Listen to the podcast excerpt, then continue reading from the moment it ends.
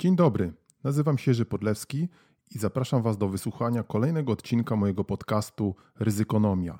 Więcej ryzykonomii, informacji o moich e-bookach, usługach doradczych i szkoleniowych znajdziecie na stronie www.ryzykonomia.pl.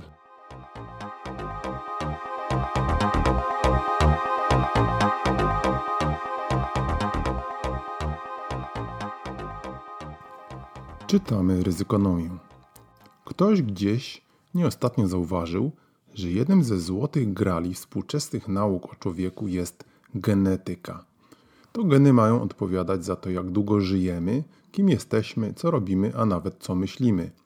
Masz gen choroby, to zachorujesz. Jesteś otyły, winne geny. Jesteś mądry, głupi, dobry czy strażakiem, też geny. Koncepcja to powabna, bo wyjaśniałaby wiele zagadek i znacznie upraszczałaby zrozumienie świata. Masz, brakuje ci genu XY, twoje życie będzie wyglądało tak i tak. Przed genem nie uciekniesz.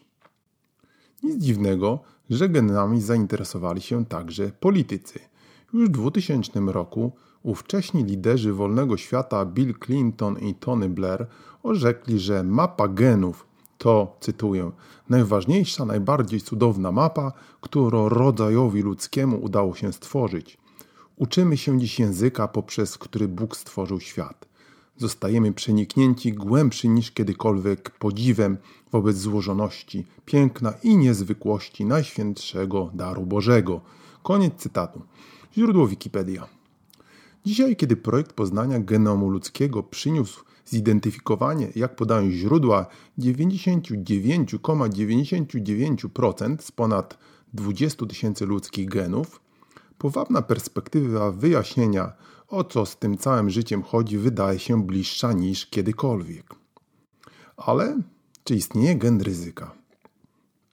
Oczywiście nie mamy tu na myśli genów oznaczających skłonności do różnych chorób, bo to nauka już jednoznacznie udowodniła. Ale czy istnieje gen ryzykownych zachowań, który mógłby wyjaśniać, dlaczego niektórzy ludzie z radością skaczą na bungee czy inwestują na forexie, a inni dyskretnie powtarzają zdrowaśki przy każdym starcie i lądowaniu do Grecji? Albo dlaczego jedni są gotowi wykupić polisę od ognia i wszystkich zdarzeń losowych, a inni machają lekceważąco ręką. Pożar, jaki pożar, a paliło się tu kiedyś? Żarty? Niekoniecznie. Konsorcjum genetyków z Bostonu w styczniu 2019 roku opublikowało w czasopiśmie Nature Genetics wyniki badań 1 miliona osób, twierdząc, że zidentyfikowało 124 różne kombinacje genów, które wpływają na tolerancję ryzyka analizowanych. Bardziej precyzyjnie chodziło o ochotę, apetyt na ryzyka takie jak palenie, picie, szybka jazda samochodem czy posiadanie wielu partnerów seksualnych. Zaniepokojonych ewentualną genetyczną determinacją ich losów czytelników uspokajamy.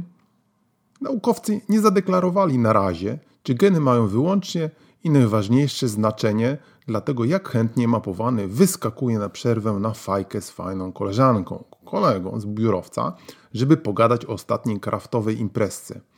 Genetycy jedynie zauważyli, że geny mają wpływ, choć czynników prawdopodobnie ważniejszych, i wciąż niezbadanych jak środowisko, wychowanie, edukacja itd. Tak jest więcej. Mamy do czynienia z kombinacją, w której geny odgrywają pewną do dalszych badań rolę.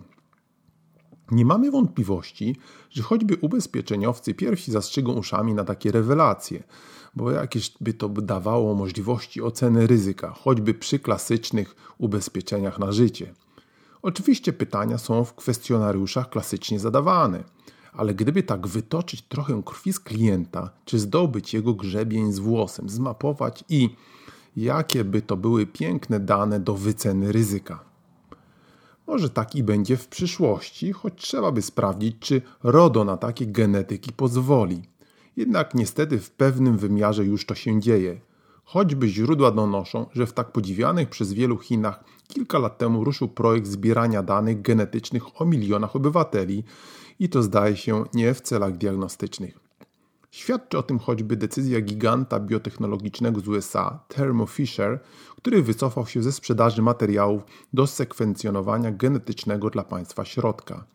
A ściślej chodzi o projekt zbierania danych genetycznych o mniejszości ujgurskiej, mówiąc oględnie również chyba nie w celach terapeutycznych. Tu wchodzimy na grzęskie ponure pole rozważań, jakie możliwości kontroli społecznej daje znajomość ludzkich genów. Zauważamy więc tylko na koniec, że wszystkie te analizy są możliwe dzięki big data i wykorzystaniu rosnących możliwości przetwarzania przez współczesne systemy komputerowe, w tym również sztuczną inteligencję. Oto kolejny temat ryzyka do omówienia.